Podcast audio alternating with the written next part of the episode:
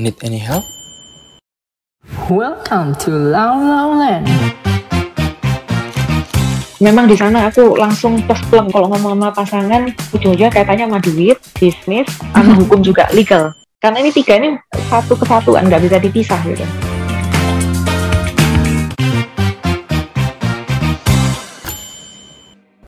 Hi Mary, how are you? Hai, hai Levi, baik-baik ini halo dari Peru. Oh, hebat nih. Sudah sampai di Peru aja ya. Kemarin perjanjian mau ketemu di Jakarta, tapi akhirnya Nggak juga. waktunya. Mm-mm. Kemarin Gimana aku sorry banget nggak bisa live. Iya, sorry kemarin nggak bisa live. Soalnya aku buru-buru balik Malang kan. Papa aku tuh sakit paru-paru. Waduh, aku deg-degan banget. Soalnya Januari 2020 mamaku meninggal. Jadi aku nggak sanggup kehilangan kehilangan bokap. Jadi aku benar-benar 100% atensi ke dia. Iya, nemenin lah nomor satu lah orang tua Mer. Kita juga Mm-mm. lah, ya ampun. Ah, Sosok udah semua stres banget. Untuk kehilangannya. Tapi sekarang di, ditemani oleh suami ya Mer. Iya, amin. Sama-sama buat Levi sama Richard. Berarti hampir satu tahun merit ya? Satu, satu tahun pas ini. Satu tahun pas hari ini. Ah, ah. Enggak, eh, bulan Desember kemarin. Oh bulan Desember. Mm-mm. Perasaan feelingnya merit nih Mer. Ah, jadi marriage is not a fairy tale ya. Jadi kalau kita lihatnya dulu zaman kita masih eh, muda, masih gadis, waduh, ini uh, pre-wed di mana, eh, pestanya kayak gimana dan sebagainya. Tapi ternyata life begins after the marriage. Kita mesti ngatur mulai dari eh, perjanjian pisah harta, ke depannya ini mau aset apa, mau bisnis apa, ngatur keuangan ya ujung-ujungnya ya, nggak lepas dari uang. Jadi aku ngelihat hmm, mesti diomongin dengan baik, dengan komunikasi yang jelas di awal, supaya nggak bertengkar di akhir gara-gara masalah duit. Aduh, ngomongnya langsung serius ya, Aduh. langsung duit ngomongnya. Tapi kalau ngomong duit tuh memang pasti sensitif banget sih Mer. Hmm. Nggak cuman, maksudnya nggak cuman ya marriage life lah. Kita dalam saudara ataupun teman-teman juga pasti sensitif banget sih. Terus Mm-mm. maksudnya tuh vi- eh, apa komunikasinya tuh Mer, aku paling penasaran. Kamu nggak ada kesulitan komunikasi nih sama suamimu nih kan? By the way kan beda budaya. Bahasa Mm-mm, juga mm-mm. pasti bukan bukan first language lah ya kita kan pakai bahasa Inggris. Yes, yes, yes, sekarang pindah yes, yes. Itu bahasa apa lagi ya di situ? Yes, yes, yes. Jadi komunikasi itu adalah hal yang paling penting, krusial dalam sebuah pernikahan. Eh, pernikahan kan nggak nggak beda dengan sebuah organisasi ya. Dalam bisnis, dalam partnership, marriage menurut aku nggak beda sih sebenarnya. It's a partnership. Hmm. Dan akhirnya kalau masalah bahasa, kadang-kadang kurang plong. Kalau mau misuh, kalau mau gibah itu kurang pol gitu ya, karena harus dalam bahasa Inggris. ya. Oke, cuma sekarang pindahan memang ke Peru, perbedaan budaya di sini bahasa Spanyol, jadi akhirnya kita les bahasa Spanyol. Sebelum ke Peru kita udah pindah ke Ekuador sebenarnya, sama-sama di area Amerika Latin karena dia dapat kerjaan di sini di pertambangan emas, gitu ceritanya. Akhirnya kita boyongan ke sini. Oh nice banget ya. Jadi eh, semuanya pada memindah hidup sih itu nggak gampang sih Mer. Nggak gampang terutama buat yang eh, terutama buat aku pihak istri yang sudah building life, building business, building aset di Indonesia. Jadi nanti kita harus mikirin kayak gimana nih perjanjian eh, kita dalam keluarga ini. Mm-mm. Soalnya kan eh, gimana ya saya kita aja dari Surabaya ke Jakarta ini aja susah pagi. Udah udah cukup ribet sih. Ini ke Peru. Aduh nggak Itu bayangin. nggak nggak ada keluarga atau teman ya di Peru ya? Sama sekali, sama, Sama sekali. Jadi kita benar-benar seorang diri. Oh wow. Oke. Kau gimana Mer? Kemarin kayaknya tuh aku lihat kamu lagi cari-cari rumah, Kenapa? Sorry. tempat tinggal. Oke, iya kalau tempat tinggal di provide dari kantor, dari kantor tempat suami bekerja, karena bagian dari benefit sebagai ekspatriat, salah satunya memang rumah, kendaraan, edukasi buat anak, asuransi dan sebagainya. Jadi itu cukup uh, menarik benefitnya sebagai ekspatriat. Akhirnya ini, ini saya lagi, aku lagi live di rumah ini akhirnya. Cuma maaf nih kalau nanti sinyalnya agak sedikit mungkin terganggu, karena dari kemarin malam sampai pagi ini tuh badai. Jadi wifi-nya mati, ini aku pakai uh, pulsa HP. Oh, Oh, oke. usaha handphone. Iya. Ampun. Mm-mm. Jadi jadi kita bukan di kota besarnya, Les. Kita di pedesaannya. Kalau boleh tahu di mana Mer ya? Maksudnya yang spesifik kotanya? Mm-mm. Kota Kahamarka namanya. Oh, yang tulisannya tuh Cajamarca itu bukan sih? Iya, Cagamarca itu betul. Di kota Kahamarka ini Oh, ada pertambangan emas terbesar di Amerika Selatan. Jadi banyak ekspat kerja di sini akhirnya. Oh, wow. Pertambangan emas ya.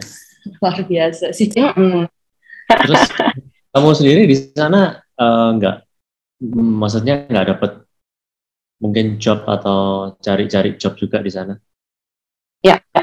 pertamanya mikir sempat eh, apa mau kerja, tapi aku ngelihat aku ada dua bisnis masih running di Jak- eh, di Indonesia di Jakarta. Habis itu aku juga bantuin usaha keluarga. Kalau aku masih nambah kerjaan lagi, keteteran yang sudah sekarang jadi tanggung jawab aku. Jadi nggak usah dulu, aku fokus beresin kerjaan yang masih jalan di Indonesia. Karena sekarang nggak gampang tiba-tiba aku misalnya nyari GM. Itu another cost yang mana aku coaching jarak jauh juga menurut aku belum efektif. Jadi ya udahlah aku handle sendiri aja. Toh perusahaannya nggak belum gede-gede banget gitu, masih family size gitu, bisa dihandle sendiri. Hmm. Hmm, hmm, hmm, hmm. Eh, tapi memang benar-benar bisa di mobile ya, Mer. Memang sih sekarang kan bisnisnya online ya, maksudnya era digital, Ya, jadi lebih ya, mudah. ya. Cuma Maksudnya tipe bisnismu tuh emang bisa di mobile. Sebenarnya nggak bisa, tapi harus kita yang bikin sacrifice dan kitanya juga usaha. Karena beda 12 jam ini ngaruh banget. Jadi kadang aku sering begadang sampai agak malam, beresin meeting, meeting, meeting. Pagi jam segini aku kerja-kerja-kerja, ngasih notes ke semua pegawai. Nanti kita call, kita janjian call di jam berapa, gitu. Makanya ini mata panda ini. Kayak begadang. Jadi kamu kayak tidurnya terbagi gitu ya, Mer ya? Antara jam Indonesia Betul. dan Amerika Selatan. Iya, betul. Hitung-hitung siap-siap buat ini, parenthood. Kan parenthood ini begadang terus ya.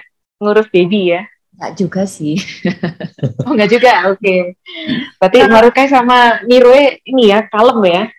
Iya, kebetulan mereka maksudnya ya nggak terlalu merepotkan lah. Jadi kita bisa tidur enak gitu. Terus eh, sama suami dulu meritnya di mana, Mer? Nah, meritnya kita di Ekuador. Karena waktu zaman pandemi, kan eh, travel bordernya ditutup. Aku nggak bisa masuk Australia, dia juga nggak bisa masuk Indonesia. Jadi kita menikah di Ekuador. Dan di sana aku benar-benar pontang-panting, ngumpulin semua syarat-syaratnya kayak gimana. Jadi Ah. sebenarnya tipe pernikahan di luar negeri ini banyak dilakukan selebriti, public figure yang beda agama. Kalau di Indonesia tuh kayak Syahrini sama Reno Barak, nikahnya Ya. di Jepang. Atau Titi Kamal sama tuh suaminya siapa ya? Eh, Christian Sugiono, nikahnya Uh, uh, nikahnya di Sydney karena beda agama. Jadi ternyata itu dimungkinkan. Cuma ketika nanti kita pulang ke Indonesia, kita harus mendaftarkan sertifikatnya itu.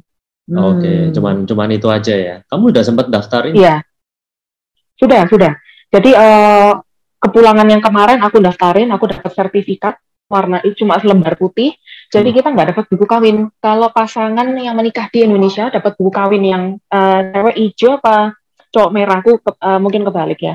Heeh. dapat buka buku kawin kalau nikahnya dengan ekspat atau di luar negeri cuma dapat selembar A3 eh A4 gitu itu harus disimpan sebaliknya suami juga harus mendaftarkan di negaranya supaya diakuin oleh hukum masing-masing Hmm, ya ya ya ya. Terus eh, setelah kamu daftarin di catatan sipil ya berarti ya, betul di spenduk Heeh, di Dispenduk. Terus kamu make Mm-mm. dapat apa tuh dari Dispenduk? Mm-mm. hanya mendapatkan eh, selembar itu sebagai baca contekan ya karena sudah aku catetin waktu dulu ngurus nikahan Ini, ini udah expert banget sih memang. Ini Kita- ini udah apa, pelaku di lapangan. Pelaku expert hukum untuk sudah ngelewatin ya Mm-mm. boleh di jadi jadi silakan silakan ya. Jadi cuma data tadi selembar sertifikat nikah di negara asal yaitu di Indonesia dan Australia. Sebenarnya kalau mau sekalian diurus izin tinggal untuk pasangan. Kalau di Indonesia disebutnya kitab kartu izin tinggal permanen. Mm. Berlangs- berlaku selama lima tahun. Nah ini penting untuk punya. Kenapa? Karena nanti eh, misalnya punya anak, ini akan lanjut untuk urusan akta lahir. Ini bapaknya siapa, ibunya siapa, nikahnya di mana. Dua itu wajib punya sertifikat nikah yang sudah dilegalisir, sorry, sertifikat nikah yang sudah dilegalisir di Indonesia dan uh, kitab untuk pasangan. Nah ini beda sama kita. Kalau kita sukar tuh izin tinggal sementara. Panjangnya kalau nggak salah cuma dua tahun. Harus diperpanjang setiap dua tahun sekali. Gitu. Okay. Terus uh, sekalian nanti ngurus uh, kalau mau prenuptial atau postnuptial. Nah sebenarnya aku udah mau nih ngurus prenuptial. Masalahnya kemarin aku uh, tektokan sama uh, kolega juga, ternyata prenuptial nggak bisa online ya, harus dua-duanya pasangan suami istri menghadap ke notaris, belum bisa. Betul, betul. Cuma zoom sama tanda tangan basah, walaupun ini pandemi ya ternyata ya. Hmm, hmm, hmm.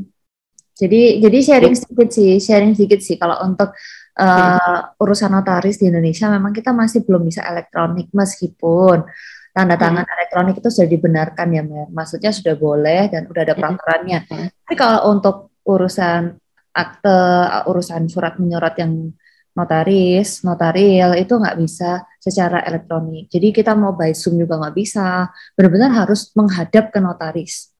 Nah, kalau untuk prenup itu memang susahnya harus kedua orang kedua belah orang tuh eh kedua belah pihak itu datang. Soalnya kan kalau misalnya merit ini masalah harta kuno gini kan, Mer.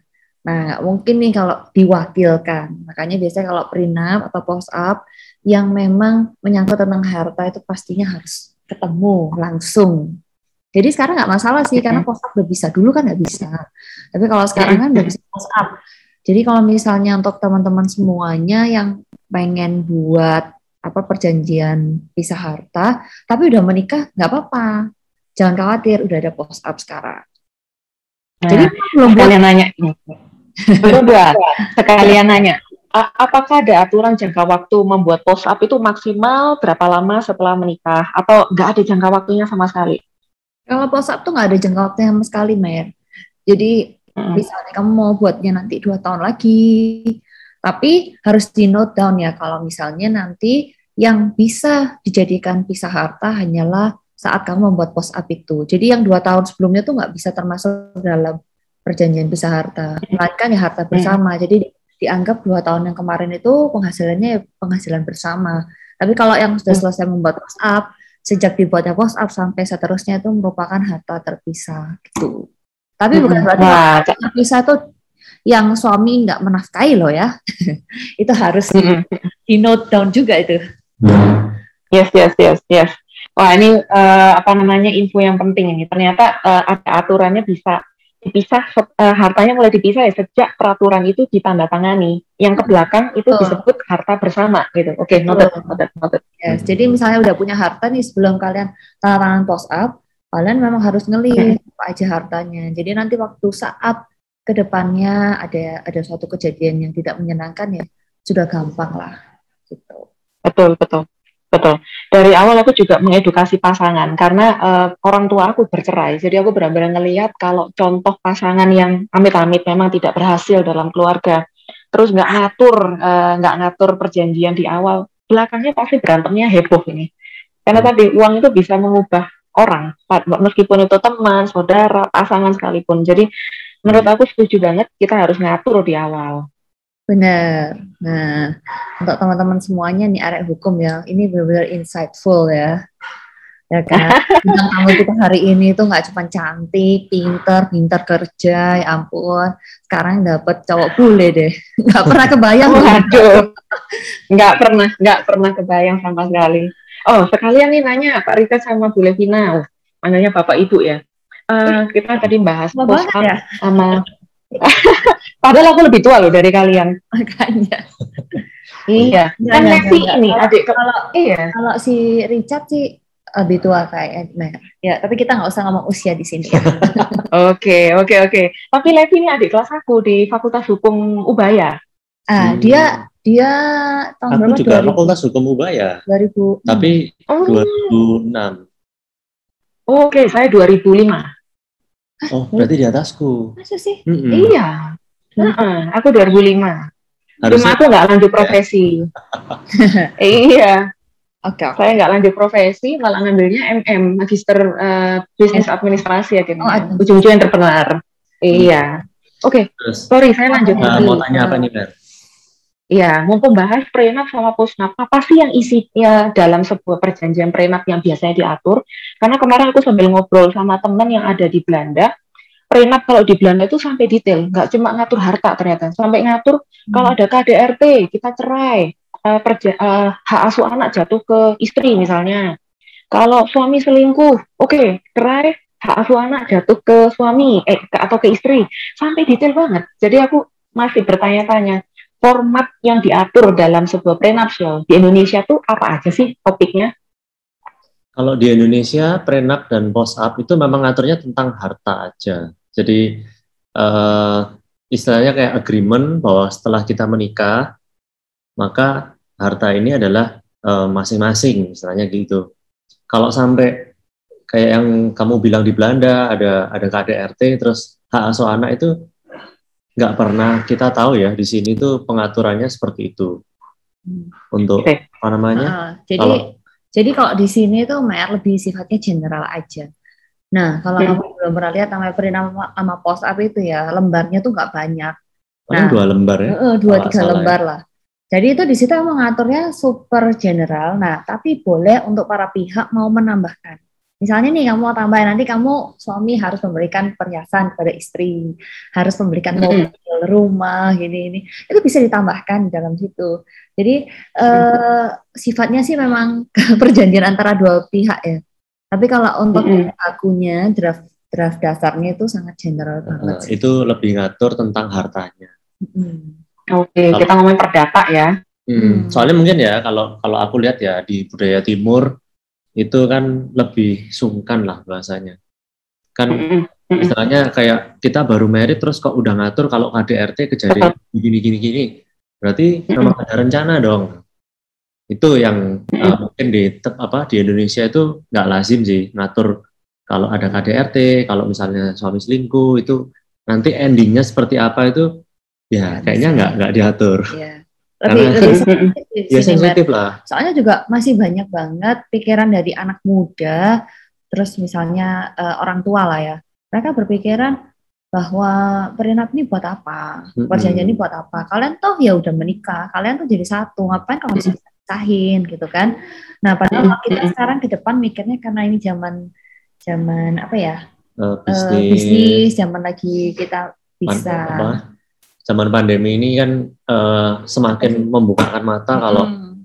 kadang uh, suami suami uh, pilot itu sama harta istrinya juga bisa terseret sekali ya. gitu. Terseret. Jadi sebenarnya sebenarnya tuh ada positif negatifnya sih. Kalau positif kita kan lebih berjaga-jaga. Kalau misalnya ada suatu hal yang buruk terjadi ke depannya, bukan berarti cerai juga ya. Misalnya bangkrut ataupun suaminya nggak uh, ada gitu kan. Jadi emang kita memplanning itu untuk anak-anak kita, untuk kelanjutan keluarga kita gitu sih. Betul. Belum banget betul. benar ya? Ah, dalam betul. Oh, sama tambahan lagi. Kadang penyebab um, apa namanya suatu cekcok dalam rumah tangga ini salah satu selain kredit, mungkin suami atau istri bisnisnya ngambil utang KPR ke bank, KPA ke bank. Betul. Habis itu kreditnya macet. Nah, sekarang tanggung jawabnya siapa nih yang bayar? Nah, kalau perusahaan masih levelnya kecil, belum PT, berarti kan tanggung jawabnya sampai ke harta pribadi nih.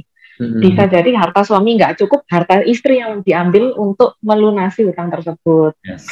Atau misalnya kayak pasang kayak aku sendiri kasusnya suami uh, warga negara Australia, asetnya di Australia. Aku WNI, asetku di di Indonesia. Hmm. Ke depannya nanti kalau beli aset bersama, ini aturannya gimana? Itu juga mesti diomongin, hmm. gitu. Hmm. Itu itu benar banget sih.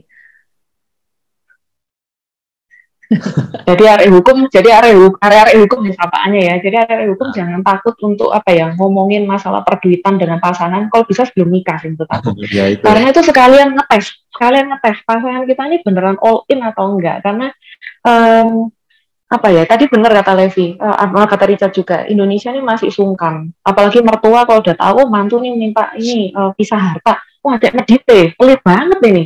Dikit-dikit udah uh, pisah-pisah ya.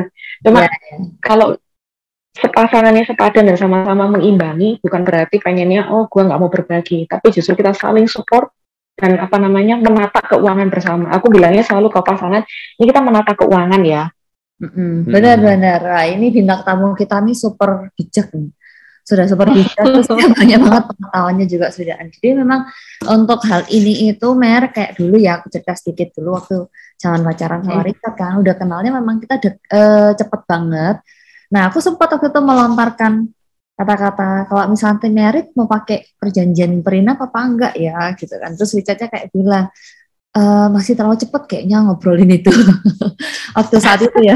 Jadi soalnya kan kita Hmm. emang baru kenal nih mer kayak baru sebulan ya. Hmm. sebulan kenal. Dari kenal sampai pacaran tuh sebulan ya. Jadi kita kayak mikirnya apa ya? Oh ya masih terlalu cepet lah. Dan aku sempat melontarkan itu ke Richard kan. Terus Richardnya responnya juga yang kayak kaget sih loh kita nih kayak cepet banget udah ngomongin kayak gitu. Aku kan pengen tahu aja responnya dalam artian eh, Richard nih open minded apa enggak? Nah mungkin nanti kalau untuk arah hukum di, di rumah bisa juga nanti tes aja lah ke pasangan. Nanti kalau misalnya kamu jadi married sama aku kamu maunya pakai prenup apa enggak? Gitu kan. Yes, yes, kalau yes. dia yang kayak benar menolak dan shock banget biasanya sih ya lebih cenderung ke ceweknya. Ceweknya yang lebih kayak ngerasa aku nggak terima nih aku nggak mau pakai pisah harta ngapain sih? Kayak gitu. Biasanya kalau cowoknya sih lebih yang mereka yang eh, inisiatif untuk bertanya ya Hmm. nah, kan di zaman yang kayak gini tuh benar-benar tidak ada kejelasan terus nggak ada yang namanya kepastian jadi memang kita harus berjaga-jaga. Betul, betul.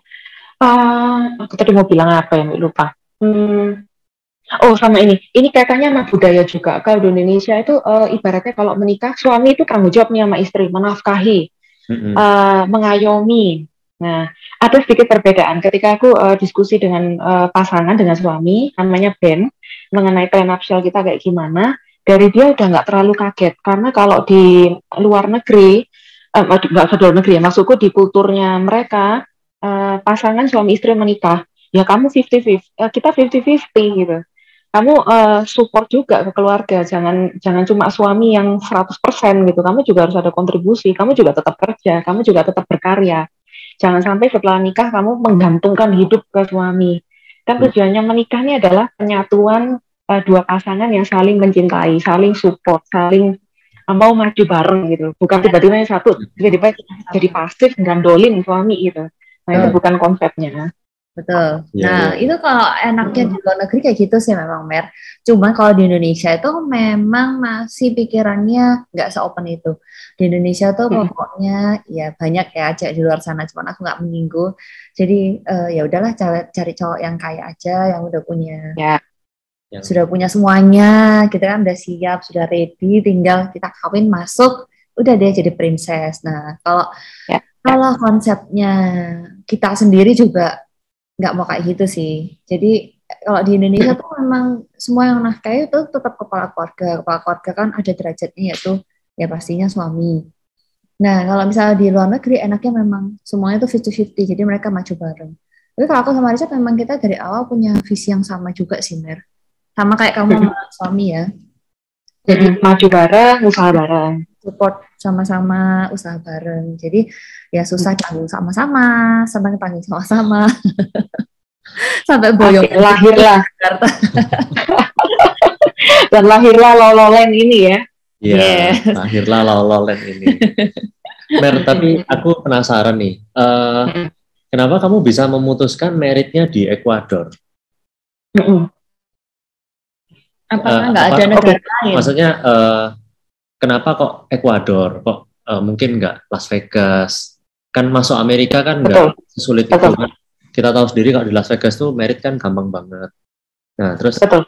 eh, jujur aja, wah Amerika Selatan tuh Ekuador. Itu bahkan negara yang aku lihat di video aja nggak pernah tahu ini bentuknya gimana. Terus tiba-tiba aku dengar kamu, oh meritnya di Ekuador. Terus kamu memulai proses eh, catatan sipil di Ekuador itu gimana? Kamu datengin duta besar E EKBRI-nya atau gimana? Boleh dijelaskan? Oke, Boleh. Eh, pertanyaan pertama, kenapa harus Ekuador? Sebenarnya betul, ada banyak tempat di negara di dunia ini untuk menikah secara eh, mudah ya. Hmm, Eh, misalnya Las Vegas atau Turki. Turki cukup eh, netral, jadi dia terbuka untuk hampir semua warga negara. Atau Afrika bahkan. Afrika tuh banyak eh, eh, cukup terbuka untuk WNI, nggak perlu pakai visa-visa, visa on arrival aja udah cukup gitu. hmm, Nah, kemarin kenapa Ekuador? Karena kebetulan pasangan dapat eh, kerja di sana. Jadi kita memang ber, kita berdomisili di Ekuador eh, tahun 2020. Jadi yang langkah pertama yang dilakukan adalah pertama betul aku ke KBRI Indonesia dulu yang di, ada di Ekuador tanya apa aja sih persyaratannya. Setelah itu aku eh, diharuskan untuk me- tetap meminta kayak formulir N1 sampai N4 dari kelurahan di Indonesia. Jadi itu nggak bisa online. Jadi makanya aku Hmm. jadwalin ketika aku pulang ke Indonesia, aku eh, mampir ke kelurahan di Jakarta, minta nih formulir panjang lebar ke tinggi. Kemudian akte lahir standar ya, Ya. KTP orang tua.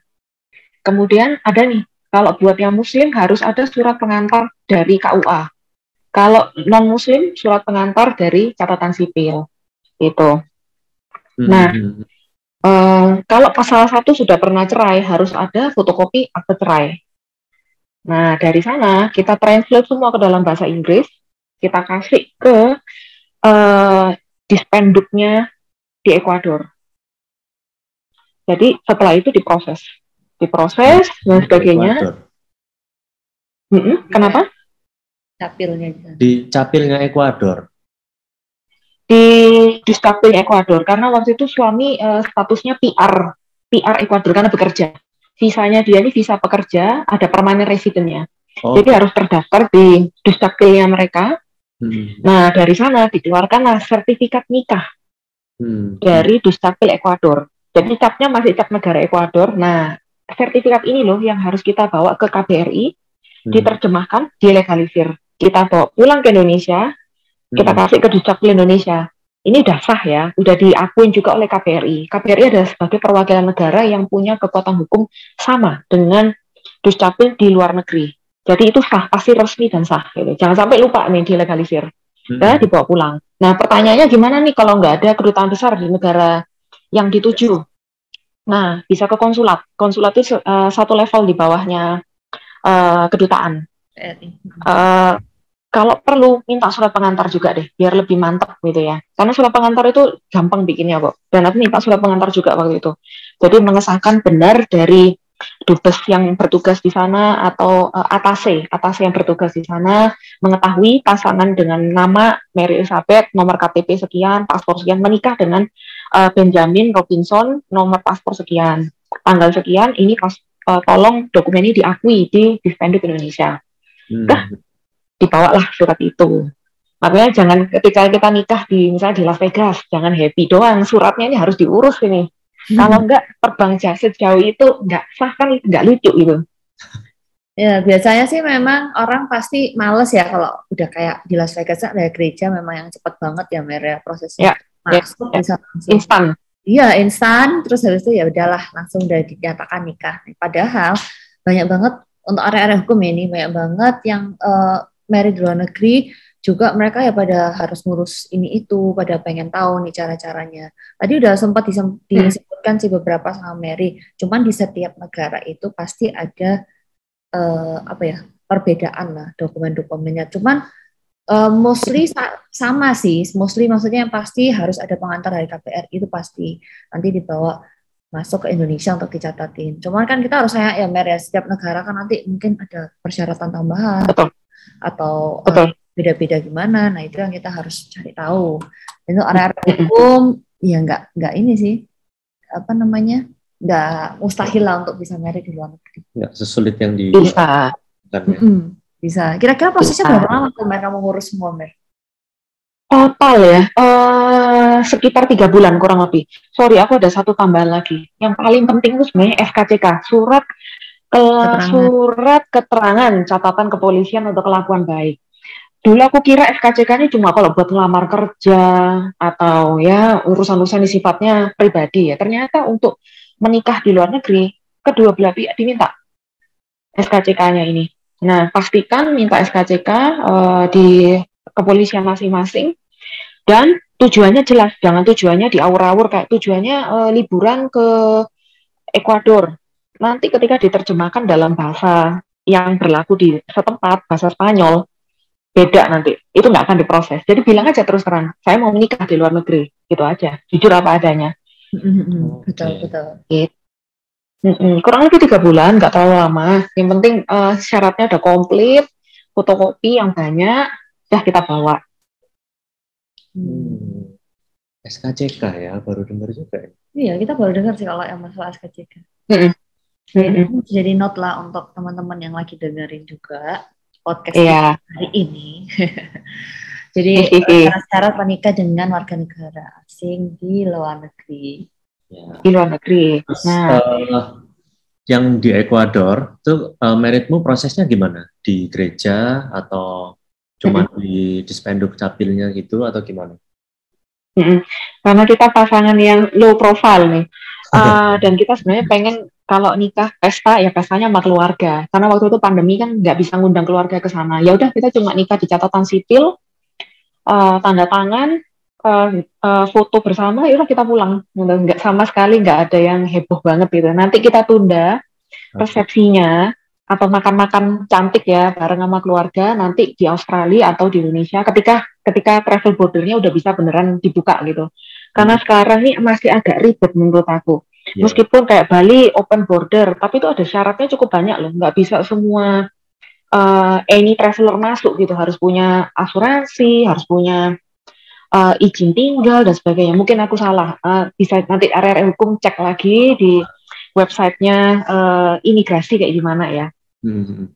Itu maksudnya eh, di dispenduk capil eh, kayak ada disuruh bacain sumpah atau ada semacam pemuka agamanya gitu nggak sih? Oh ya menarik ini pertanyaan bagus ini. Uh, di Dukcapil sebenarnya cuma pegawai sipil sebenarnya. Jadi Hmm. kayak PNS-nya, PNS yang mengesahkan. Nah kayaknya mungkin karena PNS ini udah sering mengesahkan pernikahan, dia agak setengah kayak pendeta jadinya. Jadi dia membacakan, iya, membacakan beberapa wejangan, wejangan-wejangan. Kemudian kita disuruh berdiri. Jadi benar-benar kayak kita menghadiri upacara pernikahan. Dua-duanya sama-sama berdiri, suruh pegangan tangan juga. Ya udah, Habis itu dibacain upacaranya apa aja ya dalam nama Tuhan eh, kami hari ini eh, mengadakan sebuah upacara sakral dan sebagainya. Nah karena Ekuador adalah negara Katolik, hukumnya adalah hukum Katolik yang mana mirip sama Kristen. Jadi I feel blessed ketika karena sekalian lah pakai two in one, distapil plus upacara pernikahannya gitu. Lumayan ya Mer ya, dapat pendeta yang gratis ya. Gratis ya, lumayan. Udah, habis itu karena dia, iya, heeh. Jadi Udah, habis itu kita, iya sorry sorry. Enggak, enggak. Gimana? Setelah itu upacara selesai, kita foto bareng, dan kita pulang. Hmm. Hmm, untung kamu sama pasangan juga ini ya, Mer ya. Maksudnya agamanya sama ya. Sama, sama-sama Kristen. Nah, soalnya kan kalau misalnya beda agama itu eh, menjadi sulit lah ya. Kalau misalnya di Indonesia kan biasanya pada ngelihat agama. Kalau di Indonesia kan kita ada perkawinan agama dulu, terus baru catatan sipil. Enaknya memang kalau di luar negeri itu tidak melihat agamanya apa ya, nggak dipermasalahkan. Mm-mm. Yang Penting sah menurut hukum. Betul, betul. Karena kalau di Indonesia, eh, me if I'm wrong ya, yang berlaku adalah hukum Islamnya dulu, hukum agamanya dulu. Baru ke hukum perdatanya. Jadi kalau bisa, eh, kayak misalnya kalau pasangan muslim, makanya harus ke KUA gitu. Nggak bisa janjinya ke catatan sipil. But correct me if I'm wrong ya. Hmm. Mm-mm. Harus harus ke apa? Memang ke Hukum ka- agama menikah dulu. secara agama dulu, baru ke catatan sipil. Mm, Dianggap memang Nah, nggak sah ya kalau nggak menikah secara agama kalau di Indonesia. Nah, Mer, kamu makanya, eh, kenapa Mer? Hmm, udah apa, go on. Enggak, jadi kan dari sini itu kayak aku pengen kamu bisa sharing sih ke teman-teman kayak tips-tipsnya juga kalau misalnya mau pacaran sama orang yang beda warga negara. Mm-mm. Eh, eh, tipsnya tadi eh, satu komunikasi. Selain komunikasi, kedua visi harus sama. Jadi kita mau nikah nih buat apa gitu. Kita pacaran nih buat apa? Jangan mau nikah dulu ya. Kita Hmm. mau nikah nih buat apa? Buat perkenalan. Perkenalan buat apa? Oh, buat nikah kan. Nikah ini berarti berkeluarga. Kita eh, membangun eh, family asset bareng-bareng. Kita eh, menyiapkan eh, yang terbaik buat eh, anak-anak ke depannya kayak gimana. Kita mewariskan sesuatu buat anak-anak Hmm. berarti kita harus kerja dan sebagainya. Nah, memang di sana aku langsung pleng kalau ngomong sama pasangan, ujung-ujungnya kaitannya sama duit, bisnis, sama hukum juga legal. Karena ini tiga ini satu kesatuan, nggak bisa dipisah gitu. Hmm. Kemudian eh, balance juga kerja iya, ya diimbangi lah holiday bareng, family time bareng, jangan kerja kerja kerja terus. nanti romansnya hilang gitu. Itu yang bahaya. Kalau romans sudah hilang, hambar rasanya. Jadi kita mesti make time. Apalagi pandemi ini WFH, gak Hmm. sehat sebenarnya. Karena kita jadi nggak kenal waktu. Kayak Richard sama Levi, sampai malam masih kerja. Aku juga sama sama pasangan. Sampai eh, jam 10 kadang masih meeting meeting meeting meeting. Kadang-kadang nggak efektif sebenarnya. Jadi kita make time hari Minggu off benar-benar kita nggak reply kerjaan, kita benar-benar make time olahraga bareng atau jalan-jalan bareng ke mana. Itu satu hari aja. Hmm, hmm. Tapi aku lihat kamu sama pasangan memang suka banget olahraga ya, Mer ya? Oh aduh, sebenarnya dia yang suka, jadi aku yang kebawa akhirnya. Tapi nggak apa-apa kan healthy life lah. bagus bagus itu. healthy life, healthy life betul betul. Jadi eh, coba lakukan hobi ya itu eh, good point. Kita lakukan hobi yang nggak stressful, yang sama-sama enjoy. Hmm. Nah, aku punya pertanyaan nih sebenarnya kok buat eh, Richard sama Levi. Apa Eh, ini? boleh boleh. Eh, oh aduh, kemarin aku sampai riset-riset juga kan eh, nyiapin karena ada beberapa hal kayak misalnya paling penting setelah menikah pasti beli rumah nih untuk pasangan WNA dan WNI di luar sana. Hmm. Nah, aku tuh sering eh, lihat kalau di Bali ya banyak bule itu membangun villa di atas tanahnya warga Bali. Statusnya tuh hak pakai atau leasehold. Berarti nggak Hmm. sustainable ya, karena hak pakai kan setahu aku ada masa berlakunya maksimal 30 tahun, bisa diperpanjang lagi 30 tahun lagi. Itu pun kalau disetujui yang- sama pemilik tanah. Berarti nggak Iya. sustainable dong caranya mereka seperti itu ya.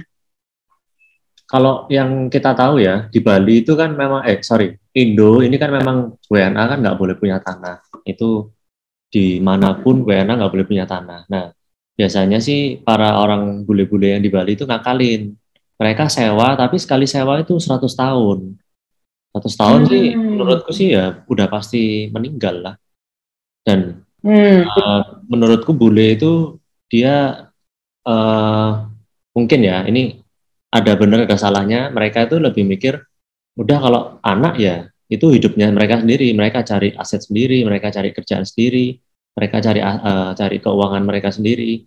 Jadi kalau memang bulenya dia mau tinggal di Bali ya udah aku cari rumah yang untukku sendiri. Makanya mereka tuh memang sewa tapi sekali sewa tuh panjang. 100 tahun. Hmm, Di mana dia kan pasti udah meninggal kalau udah 100 tahun. Dan dia nggak mikir eh, aset ini akan diturunkan ke anaknya.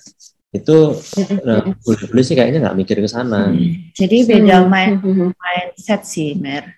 Kalau kita Hmm. pikir investasi, investasi secara kita harus punya tanah nih. Terus habis Hmm. itu tanahnya ntar kalau misalnya kita udah nggak ada, kita mau wariskan ke anak, mau hibahin ke anak, ya kan mau kasih. Nah, tapi kalau kalau mindset yang kita tahu selama ini bule yang memang investasi di Indonesia, mereka tuh lebih kesannya untuk have fun.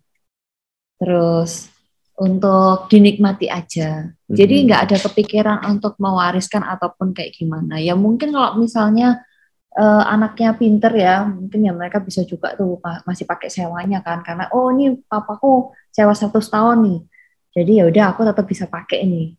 Nah tapi kalau misalnya anak-anak yang biasa udah ngurusin, biasanya kan kalau bule-bule itu anak udah umur 17 tahun kan udah pada lepas semua tuh. Nah biasanya kan juga mereka sendiri akhirnya menghabiskan waktu dengan pasangannya aja. Nah, hiburannya lah salah satunya itu ya mereka eh, hidup di pinggir pantai gitu. Pilihnya ya di Bali, Ya, jadi Aussie bisa Ya, ya. Untuk yang kasus di Indonesia sih, memang mereka biasanya hanya statusnya tuh memakai aja. Pinjem. hmm, hmm. Jem. sayang pada sebenarnya ya kan nggak memiliki tanah nggak permanen misalnya amit-amit pemilik tanahnya memutuskan nggak memperpanjang lagi Hmm. Eh, amit-amit misalnya nggak perjanjiannya nggak 100 tahun cuma 30 tahun nggak diperpanjang terus berarti kan bangunan yang dibangun di atas tanah tersebut jadi miliknya pemilik tanah Mm-mm, benar. Jadi miliknya pemilik tanah. Hmm. Ya, itu makanya itu sih memang investasinya udah siap siap buang sih. Dia menikmati siap rugi ya Heeh, Jadi, siap rugi.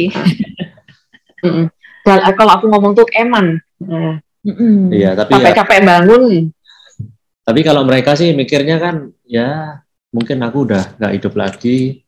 Ya sudah, terserah. Ya. Gitu ya, ya benar-benar that's right that's right Hmm. Eh, kemudian em, Ada pertanyaan apa lagi nih? aku tak sekalian ya kita bahas mengenai ini ya. Nah ini aku juga eh, dengar lagi dari satu temen eh, dia eh, yang istri Indonesia, yang suami Jerman. Jadi mereka ini uh, ngakalin gini, uh, mereka memutuskan untuk retire pensiun dini, pulang ke Indonesia.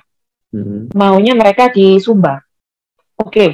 nah okay. karena tadi WNA nggak WNA nggak bisa punya tanah, hmm. hanya bisa pakai hak pakai sama hak sewa. Hmm. Maka mereka ngakalinya gini, mereka mendirikan PMA, perusahaan penanaman modal asing, yes. untuk bisa memasukkan aset-aset keluarga ke dalam aset perusahaan itu. Nah, suami dan istri itu jadi direktur dan komisaris. Hmm. Apakah hal ini itu dimungkinkan seperti itu? Ini, ini canggih banget ya, aku baru tahu nih kayak model begini.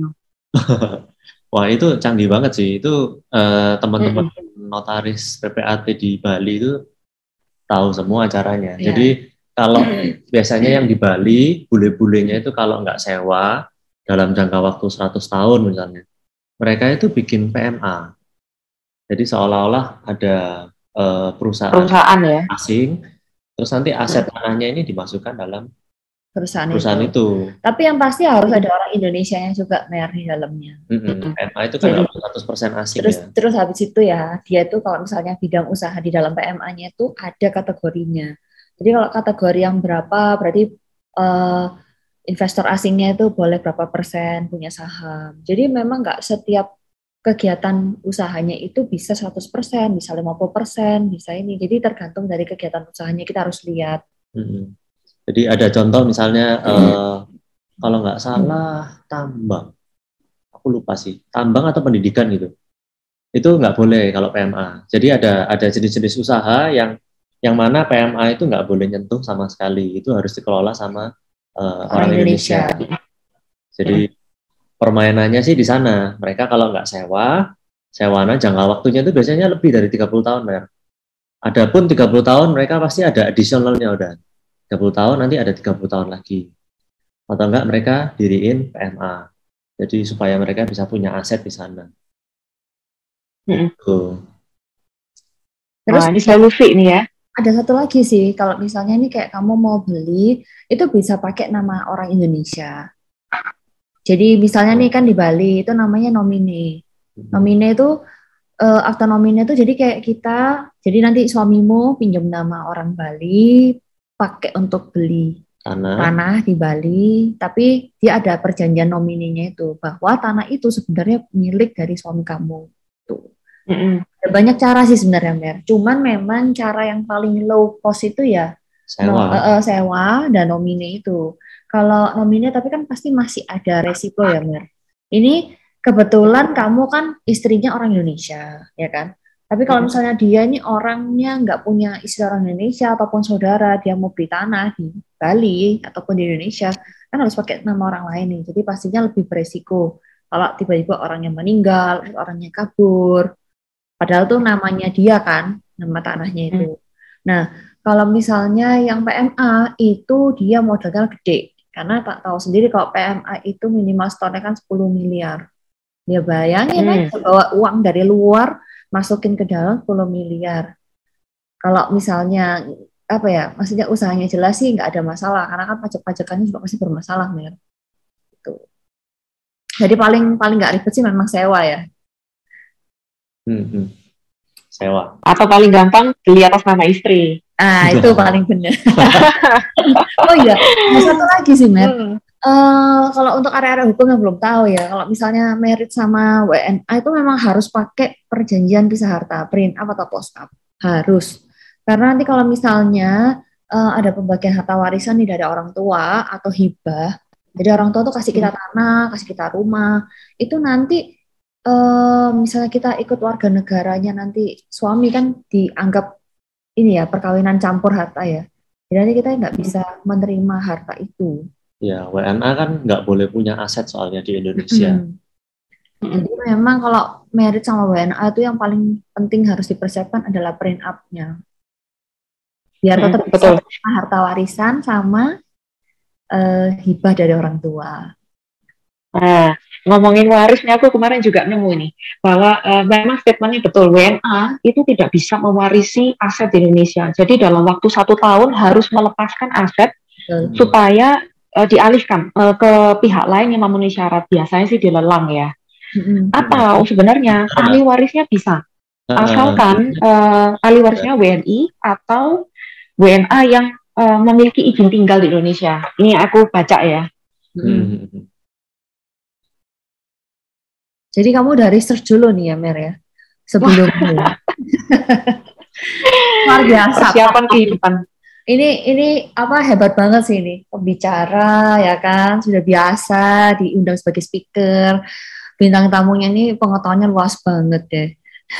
Aduh, sama-sama, sama-sama. Aku ini S1 cuma cuma numpang S1 hukum aja, SH aja. Tapi kan Loh, Mer. secara profetik aku nggak lanjut nih. sayang loh harusnya maksudnya gabung eh, lanjut S2 lagi loh Mer.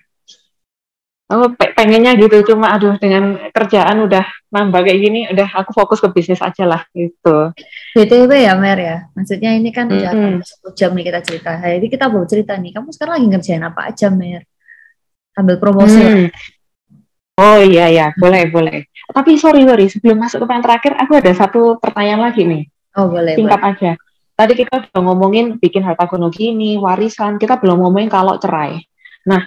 Eh, misalnya pasangan ini eh, bercerai, Hmm. perbagian harta gono gininya tuh kayak gimana? Kalau mereka sudah punya prenuptial atau belum punya prenuptial?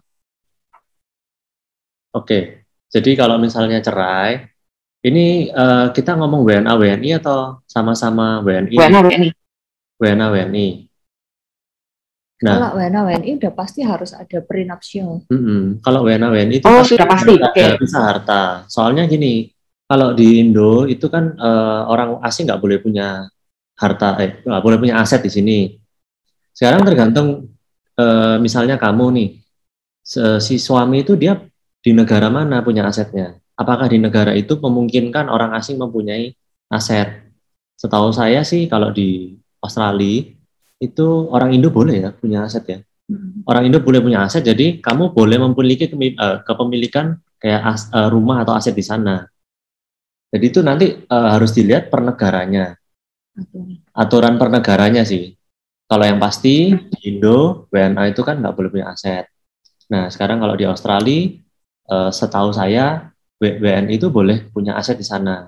Terus ya- terus sekarang kamu kan berada di Peru. Nah kita nggak ngerti di Peru ini memungkinkan nggak misalnya kalian punya aset terus suatu ada suatu kejadian terus aset itu nanti dipisah atau gimana kepemilikannya bagaimana kita juga belum tahu yang di Peru. Mm-mm. Nah, Oke. heeh, jadi memang kalau kita ngomong WNA WNI itu harus kudu ya Mer ya prenuptial itu biar gampang lah nanti bagi-baginya pada saat ada sesuatu terjadi. Tapi kalau misalnya ini kita ngomong WNI WNI, kalau dia nggak ada prenuptial itu otomatis hartanya yang 100% itu dibagi 50% dulu ke istri. yang didapat setelah menikah ya. Jadi nanti Hmm. sisa 50%-nya ini itu dibagi antara istri dan juga anaknya. Misalnya istrinya, eh anaknya dua, kan istrinya satu nih kan tiga, jadi 50% dibagi tiga. Otomatis si istri kan Hmm. dapat 50 plus 50 bagi tiga. Jadi intinya Mm. kalau ada apa kalau nggak ada pisah harta, eh, si istri itu dianggap mempunyai hak terhadap harta bersama itu. Jadi nanti pembagiannya langsung ya kamu 50 aku 50 gitu. Tapi kalau misalnya udah ada perjanjian pisah harta, itu kan jelas sertifikat atas sama istri berarti punya istri. Sertifikat atas sama suami berarti punya suami. Deposito atas sama istri berarti punya istri. Deposito suami berarti ya punya suami udah nggak perlu pusing kalau ada prenup. Tapi kalau yang nggak ada prenup, berarti kan semua dari tabungan, dari mobil, meskipun atas nama istri atau suami itu nanti yang harus di eh, dilikuidkan, dilikuidasi untuk dibagi berdua. Nanti biasanya sih, nanti biasanya sih bisa perjanjian ya. Jadi suaminya udah mobil aku ambil, rumah kamu bawa itu bisa. Nanti itu Ya, nanti ya. dituangkan dalam suatu agreement, terus eh, kita masukkan di pengadilan untuk jadi suatu putusan. Nah, nambahin dikit Mer. Jadi kalau cerai itu untuk arek hukum tahu ya ada cerai hidup sama cerai mati. Kalau prenuptial ada prenuptial agreement itu pasti ada perbedaan antara cerai hidup dan cerai mati. Kalau cerai hidup berarti Richard cerita gampang atas nama Mary, Mary atas nama Ben, Ben. Tapi kalau misalnya yang cerai mati itu berarti 100% hartanya yang mati itu Mer nanti dibagi langsung bagi rata ke anak dan juga istrinya. Jadi nggak ada yang kayak 50% dulu, tapi langsung 100 dibagi ke anak dan istri. Gitu. Ah, satu pertanyaan terakhir. Uh, kadang kita ini sudah ngerti aturan hukumnya, oke harusnya dibagi 50%, tapi kadang aku sering kasih uh, dengar cerita dari saudara, oh ini cerai, istrinya terlantar, nggak diurus sama suaminya, nggak dikasih nafkah lagi, nggak dibageni apa pun. Jadi uh, implementasinya itu kita harus ke mana nih untuk nagih misalnya, nagih uh, hak yang harusnya menjadi bagian ketika bercerai itu. Hmm. Apakah pengadilan atau aku sering dengar sih cerita kayak gitu. Cuman uh, kita case per case-nya ini kan harus jelas. Soalnya uh, ada kejadian itu si suami ini nggak nggak punya atas nama eh sorry si suami ini dia nggak punya aset sama sekali. Asetnya itu hmm. semua masih atas nama orang tua dari suami. Nah itu kan hmm. artinya itu kan harta harta bawaan itu nggak boleh dibagi. Jadi pastiin dulu uh, suami ini punya aset atas nama dia dan pembeliannya itu dilakukan setelah uh, suami dan istri menikah. Nah, mm -mm. Kalau uh, kalau aku pernah uh, maksudnya dapat dapat case itu ya hartanya itu masih atas nama orang tua suami semua. Akhirnya si cewek mau ngesu bagaimanapun ya nggak bisa. Nggak bisa. Nggak bisa. Hmm. Betul. Waduh, insightful. Thank you, thank you. Thank you, Berat thank ya. You kamu baru mau memulai hari kita baru mau tidur habis Mengakhiri ini. hari. iya. Tapi ini eh, sangat-sangat berfaedah nih buat area-area hukum. Kita bahasnya tadi bukan cuma kawinnya doang, tapi sampai waris, cerai, bareng, sampai cerai. Jadi satu cycle iya. kehidupan udah kita kupas uh, tuntas ya. Betul. Nggak kerasa loh Mer, sudah sejam loh kita ngobrol. Nggak kerasa. tadi uh -huh. tadi yang ini Mer, yang terakhir tadi pertanyaanku Mer. Oh iya iya. Uh -huh. Iya, aku entrepreneur. Jadi sekarang masih jalani ada salon di Jakarta di Kemang namanya Pool Studio. Terus ada satu lagi aku bikin sarung bantal satin silk. Nanti aku kirimin ya buat Richard sama Levi. Valentine. Ah, boleh. Mereknya apa ini, Mbak? Supaya namanya The Ritual. Jadi uh, sarung bantal satin silk ini karena banyak halus banget. Jadi kalau tidur itu glunyur apa ya? Uh, tidurnya berkualitas. Nah, karena zaman WFA tidurnya harus enak gitu.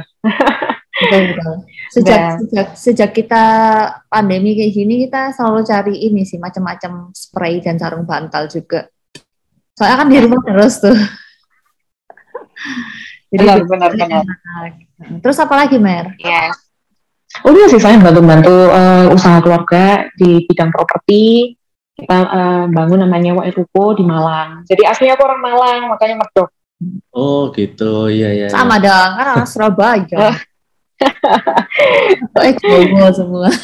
Terus terus ya iya. di Jakarta ini uh, Ngurusnya? maksudnya benar-benar remote control gitu.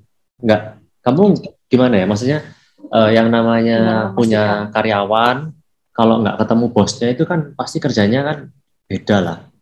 Nah, gimana betul, sih kamu betul. memastikannya? Atau kamu mungkin punya saudara yang in charge di sana atau gimana? Yes, yes, yes. Good question. Uh, dari awal aku bikin bisnis di Jakarta, aku tahu aku kan bukan uh, bukan berdomisili di Jakarta. Aku asli orang Malang dan keluargaku juga di Malang, kehidupanku juga di Malang. Jadi di Jakarta aku memang ngajak bisnis partner yang orang asli Jakarta supaya memudahkan operasional sehari uh, operasional harian. Jadi ketika aku tidak di Jakarta, partnerku inilah yang berincas untuk operasional. Jadi dari awal kita udah bagi tugas. Hmm. Aku in charge untuk marketing, finance, yang sifatnya bisa di remote. Tapi untuk kayak HRD, operasional, purchasing, itu memang di partnerku yang di Jakarta. Oh, oke, okay, oke, okay, oke. Okay. Soalnya kan uh, kita tahu sendiri lah, misalnya punya partner pun uh, ngelihat, wah ternyata partnerku di luar negeri nih. Jadi itu kan nggak dianggap kerja ya di sini. Nah itu kamu sama partnermu uh, gimana cara supaya apa namanya tetap harmonis kerjasamanya. Nah, ya, ya. Dari awal kalau kita kerja bareng harus ada KPI bersama. Uh, aku ngerjain apa, kamu ngerjain apa. Yaudah kita po kasih poin. Nah KPI nggak usah banyak-banyak. Maksimum menurut aku ya lima aja. Lebih dari lima menurut aku nggak bakal ke kelakon semua akhirnya. Udah dari lima kita review mau bulanan atau tiga bulanan. Udah nggak usah nggak usah bulanan deh, per tiga bulanan. Kita hmm. review kemajuannya di sisi uh, marketing atau finance kan bisa diukur. Misalnya kalau finance sales growth-nya berapa. Kalau hmm. marketing, oh berarti uh, awareness di sosial medianya naik enggak? Nah, ada kaitannya enggak antara awareness dengan salesnya itu? Hmm. Nah, kalau dari sisi HRD ya gampang. Berarti turnover uh, karyawan dalam dalam satu dalam tiga bulan itu sering nggak sih karyawan itu tiba-tiba cabut uh, resign misalnya. Hmm. Terus tingkat komplain itu kita bisa ukur juga. Dalam tiga bulan ada berapa komplain dari customer misalnya. Hmm. Udah dari sana ke tiga bulan sekali kita meeting, business review, sama-sama saling ngasih masukan, kritik, Nah, bisa kita pulang kerjakan PR masing-masing. Udah komunikasi tiap hari, aku ngerjain apa, kamu ngerjain apa. Harus inline bareng. Oh. Gak gampang memang, karena nah, WFH ini memaksa kita, pandemi ini memaksa kita untuk bisa online. Hmm. hmm, hmm, hmm. Yes, betul. Ya. Oke, oke, Mer. Aduh, sudah satu jam, Mer, kita ngobrol. Gak berasa, Gak berasa ya? Gak berasa ya? Padahal masih pengen banyak banget yang diobrolin. Kemarin tuh aku nunggu kamu loh kok bisa ketemuan di Jakarta tuh pengen ngobrol banyak. Tapi nggak apa-apa. Tapi nggak apa-apa, kita udah ngobrol sekarang nih kan. Terus nanti kita bisa ketemuan lagi waktu kamu balik ke sini. Rencana balik ke sini kapan, Mer? Aku rencana uh, bulan November Desember pulang. Jadi setahun sekali pulang ke Indonesia. Oh, okay. oh setahun sekali ya. Wow. Mantap. Nanti kita tunggu kamu pas pulang ya, Mer ya. Jadi ya. ada uh, apa namanya kita semua area hukum hari ini sudah dengerin banyak banget dari Mary Elizabeth, hmm. sesuatu yang sangat in, inspirational banget, jadi insightful. Ini bintang tamunya yang ngerti hukum ya, jadi uh, nyambung ngomongnya dan banyak pertanyaan juga. Dan akhirnya kita bisa diskusi sama-sama karena memang kita uh, sangat paham lah dengan topik yang kita bicarakan. Nah, untuk itu thank you so much Mer udah Thank you so much. Mau diundang ini ke podcastnya Laulolen, ngobrol-ngobrol bareng. Nanti kita ngobrol lagi ya Mer ya. Jangan kapok-kapok ya. Siap, siap, siap. Oke, okay. jadi kita pengen ngomong ke area hukum semua. Kalau misalnya mau kawin sama WNA nggak apa-apa, tapi benar-benar harus di uh, apa namanya? Dibicarakan, dibicarakan. terus dipersiapkan. Dari dokumen-dokumen yang udah disebutin sama Mary. Soalnya di DM kita tuh juga lumayan banyak sih yang tanya tentang uh, kawin dengan WNA ataupun kawin di negara luar itu gimana. Hmm. nah kalian sudah bisa dengar sendiri dari dari Mary dia sudah melakukannya sendiri. Nah, jangan lupa kalian persiapkan dokumennya dan juga harus dibicarakan semuanya. Thank you so much, Mary. Thank you so much, Mary.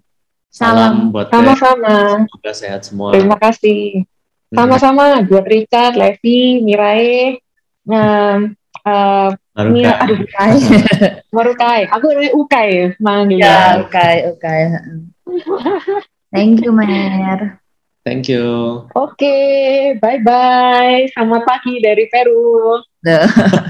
Selamat malam dari Jakarta. Welcome to Lao Lao Land.